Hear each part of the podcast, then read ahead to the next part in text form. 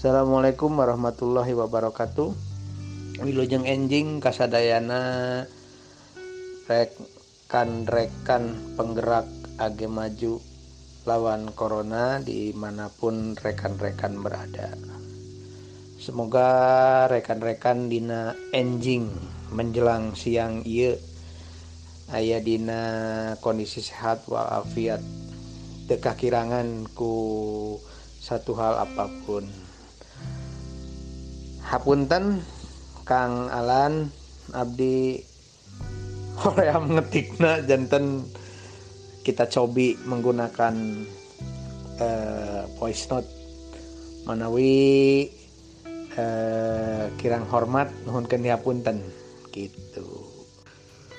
Kirang langkung orang sadayana di Indonesia atau hampir dua sasi eh, sehari-hari disibukkan dengan permasalahan penanganan wabah COVID-19. Kemudian eh, kita melihat setiap sore gugus tugas percepatan penanganan COVID-19 terus mengumumkan angka positif yang terus meningkat kemudian angka kematian yang terus bertambah. Tapi alhamdulillah beberapa hari ke belakang angka kesembuhan sudah semakin progresif dan menurut data yang ada angka eh, kesembuhan sudah mengalahkan angka yang eh, meninggal dunia. Ini adalah semangat bagi kita energi bagi kita agar kita semakin positif bahwa kita semua bangsa Indonesia khususnya Majalengka dapat segera eh, apa namanya menyelesaikan wabah COVID-19 ini. Kemudian eh, yang harus kita waspadai bersama adalah gelombang kedua atau second wave eh, penyebaran virus corona ini. Jadi kalau kita lihat trennya di dunia termasuk di Cina itu ada first wave, ada second wave. First wave itu adalah gelombang pertama. Uh, kemudian yang kedua ini yang second wave ini adalah gelombang kedua. Biasanya gelombang kedua ini angkanya lumayan drastis gitu. Karena kan pola penyebaran COVID-19 ini uh, apa namanya? kayak MLM ya seperti yang tadi pagi saya sharekan di grup ini gitu jadi satu orang itu tidak harus menyebarkan ke satu orang lagi tetapi dari satu orang bisa menyebarkan ke dua tiga empat bahkan bisa ke 10 orang lebih gitu jadi seperti itulah penyebarannya sehingga cepat banget gitu nah uh, second wave ini saya sangat khawatirnya terjadi di daerah-daerah bukan di kota lagi. Kenapa? Karena uh, seperti yang kita ketahui ya menjelang Ramadan atau menjelang Idul Fitri uh, Indonesia itu punya tradisi mudik. Mudik atau pulang kampung ya, saya bingung. Mudik ya. Karena kata Bapak Presiden mudik dengan pulang kampung itu berbeda. Oke, saya tidak ingin membahas itu tapi kita kembali ke topik ini jadi Indonesia ada budaya yang namanya mudik. Nah, walaupun ya alhamdulillah saya apresiasi sama pemerintah pusat yang sudah mengeluarkan kebijakan melarang mudik uh, lebaran ini gitu. Karena kalau misalnya masyarakat uh, maksa mudik, tetap mudik ke kampung yang terjadi uh, apa namanya?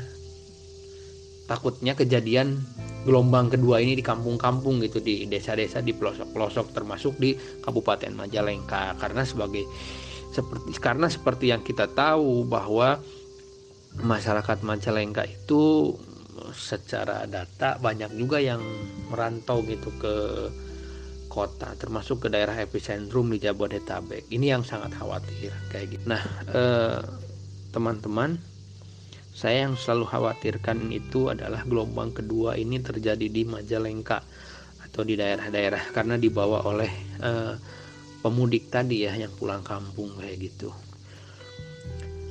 Yang jadi khawatirnya begini teman-teman, teman-teman harus paham ya. Saya tidak bosan-bosan mengingatkan masyarakat Majalengka termasuk para pejabatnya gitu ya. Agar uh, sadar dengan realita yang ada. Realitanya apa? Di Majalengka itu sarana kesehatan, sebut saja rumah sakit terbatas. Kan hanya ada dua ya, Cedera sama eh, RSUD Majalengka terbatas. Ruangannya pun terbatas. Alat-alatnya, alat-alat untuk ICU, ventilator dan lain sebagainya pun kan terbatas juga. Demikian halnya dengan tenaga kesehatannya pun terbatas, dokternya terbatas, perawatnya terbatas, tenaga tenaga kesehatan yang lainnya pun kan terbatas. Kayak gitu. Nah, takutnya sudah mas sarana prasarananya terbatas, SDM tenaga kesehatannya terbatas, nanti ada gelombang kedua, lonjakan pasien positif meningkat, kayak gitu ya. Nah ini mau dirawat di mana gitu? mau dirawat di mana dan mau yang yang rawatnya mau siapa? Ini yang saya khawatirkan. Jangan jangan ngomong ah bisa dirujuk ke Cirebon.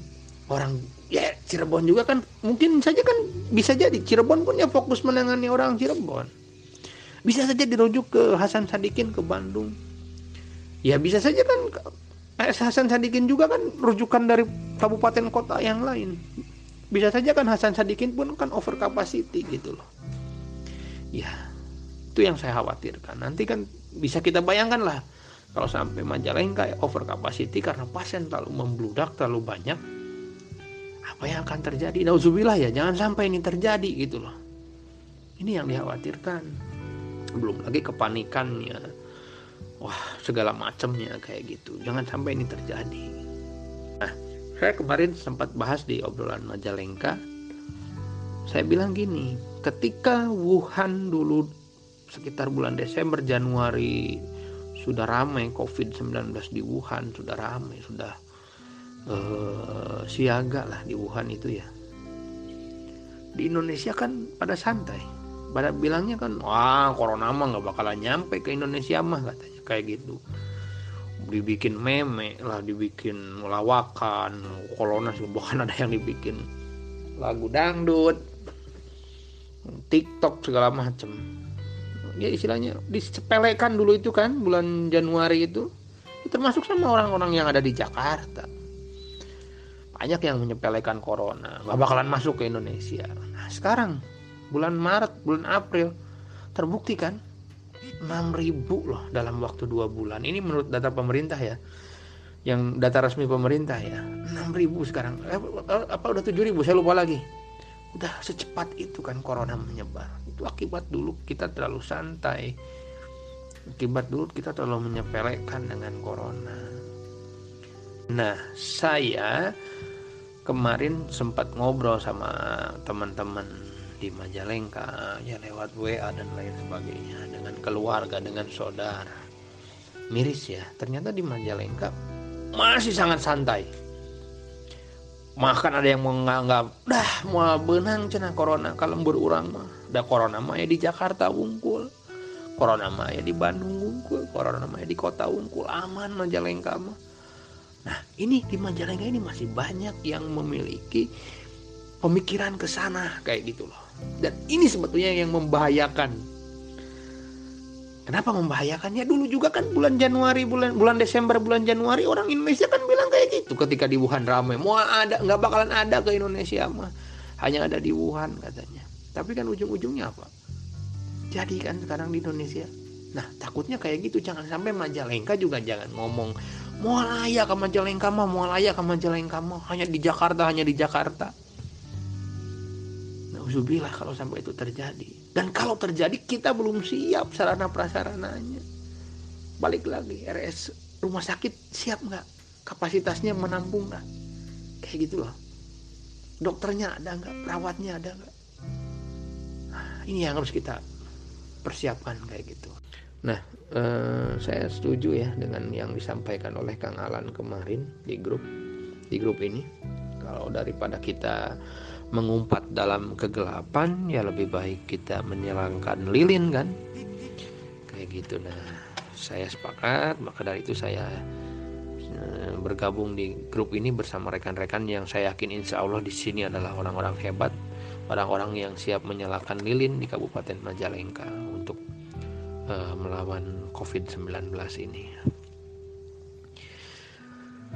Jadi uh, saya kan tidak tahu ya di grup ini siapa saja. Saya, saya hanya kenal beberapa uh, rekan saja yang ada di grup sini. Selebihnya saya belum mengenal gitu saya tapi saya, saya yakin di sini banyak orang-orang hebat banyak orang-orang yang punya link punya posisi punya kekuasaan punya pengaruh lah tolonglah siapa pun yang ada punya akses gitu untuk apa ya bahasa Banjaran nama ngaharewasan pemerintah Majalengka.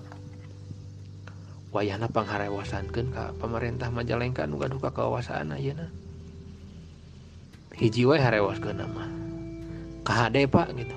Iya lain hari KHD gitu. Iya urusan 1,2 juta kesehatan nyawa orang Majalengka penduduk Majalengka kan ada menurut data statistik ya ada 1,2 juta. Jadi sekarang ini adalah urusannya menyangkut nyawa menyangkut kesehatan 1,2 juta orang. Uh, masyarakat Majalengka. Dari sekali dari wayahna pangharewasan kan pemerintah Kabupaten Majalengka. KHD pak gitu. KHD KHD lain guna naon dia mah nah usul teknisnya kebetulan saya di Banjaran Hilir ya. Saya akan asli dari Banjaran Hilir. Banjaran kecamatan desa Banjaran kecamatan Banjaran. Nah di Banjaran Hilir saya sama pemuda masjid sama Karang Taruna setempat sudah uh, mencoba mm, bikin kecil-kecilan lah ini mah skala blok gitu. Namanya gugus tugas percepatan penanganan COVID-19 tingkat blok Banjaran Hilir nah uh, kita kan membuat program itu kan harus berdasarkan analisa masalah dulu ya kayak gitu. Masalahnya apa baru kita membuat program. Nah saya diskusi sama teman-teman di Banjaran Hilir. Ternyata masalah terbesar di Banjaran Hilir itu sekarang adalah kurangnya pengetahuan kurangnya pemahaman warga masyarakat terhadap corona apalagi sekarang kan banyak berita simpang siur berita hoak dan lain sebagainya. Jadi masyarakatnya kermah dalam tanda kutip. Miskin informasi bekidei informasi yang masuk. Nanti bukan informasi benar informasi hoak informasi tidak jelas dan lain sebagainya. Itu katambah katuruga tindih katinggang urug gitu mah. Nah jadi sekarang di program penjalan hilir saya sama teman-teman lagi mendorong bagaimana caranya kita memberikan edukasi. Ini sepertinya ada benang merahnya dengan visi Kang Alan di grup ini kayak gitu. Salah satu materi eh, edukasinya di Banjaran itu kan mayoritas ya tidak punya sosmed lah apalagi yang sudah tua gitu. Baca berita juga jarang. Baca koran komo nonton TV juga ya jarang. Gitulah. Kebanyakan kan di lembur saya mah petani ya. Kayak gitu. Nah saya pilihkan edukasi yang tepatnya adalah dengan eh, berbagi brosur. Jadi kita bikin brosur dulu tentunya dengan bahasa Sunda. Kemudian dengan menggunakan toa masjid gitulah speaker halo halo gitu. Pengumuman gitulah ke masyarakat. Karena kan di kampung kan masih konvensional seperti itu kayak gitu. Ya kita memberikan edukasi ke masyarakat yang seperti itu gitu. Jadi saya mengusulkan ke rekan-rekan yang ada di sini kumaha lamun orang di dia noya di dia orang nyusun hiji brosur eh bagus-bagus lah diketik nu penting ayat tulisannya gitu nah kertas HPS gitu jantan masalah berbagi brosur kemudian brosur itu isinya juga singkat padat uh, pakai bahasa Sunda karena kan masyarakat makan banyak yang lebih prefer menggunakan bahasa Sunda gitu. Kemudian si brosur itu ya, ayo kita sebarkan gitu ke daerah-daerah. Kayak gitu. Kayak rekan-rekan dari kepolisian kan ada maklumat Kapolri ya yang disebarkan di beberapa titik kayak gitu bagus loh. Nah ini mah bukan maklumat Kapolri kita ya bikin semacam maklumat Kapolri. Kita atas nama ini komunitas relawan ayo gerak maju lawan corona ini. Kemudian si brosurnya kita sebarkan ke masyarakat kayak gitu.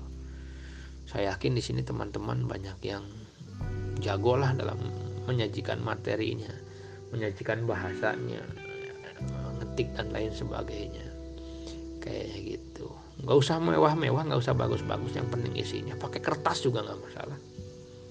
Kertas HPS kayak gitu disebarkan. Mungkin begitu Kang Alan dan rekan-rekan yang lainnya usulan saya. Intinya saya simpulkan lagi ya dari atas oke saya coba simpulkan lagi dari atas. Intinya kita harus waspada gelombang kedua. Kita harus waspada arus mudik ya karena ada orang yang akan pindah atau berpindah dari kota ke desa. Siapa tahu kan membawa virus. Kemudian yang ketiga, waspada di Majalengka, fasilitas kesehatan terbatas, rumah sakit terbatas, tenaga kesehatan terbatas. Jangan sampai pasien meledak tinggi. Nanti mau dirawat di mana? Mau yang rawat siapa? Kemudian selanjutnya kita ke solusi. Punten sahawai nugadu akses ke pemerintah di Majalengka. Pangharewosankeun KHD gitunya terasa salajengna usulan teh usulan konkret di saya eh, kumaha lamun orang ngedukasi masyarakat dengan cara yang berbeda. Karena tidak semua masyarakat Majalengka maca sosmed maca berita ningali TV masih banyak masyarakat Majalengka yang belum mengerti belum paham. Jadi kukituna kumaha lamun orang ada brosur ya berupa edukasi ke masyarakat supaya masyarakat teredukasi kayak gitu.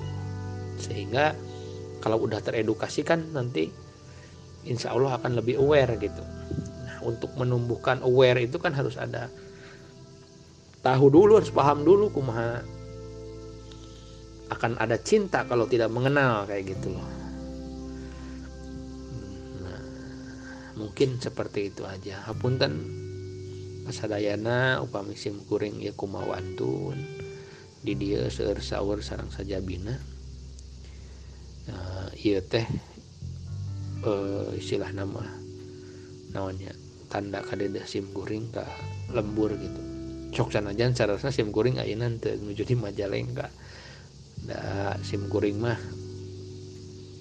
di lembur batur nuju ngumbara. Tapi ya gitulah jauh di mata dekat di hati Majalengka mah. Mangga sakit tuh lah panginten. atau nuhun eh, kirang langkungna nuhun gani hapunten. Assalamualaikum warahmatullahi wabarakatuh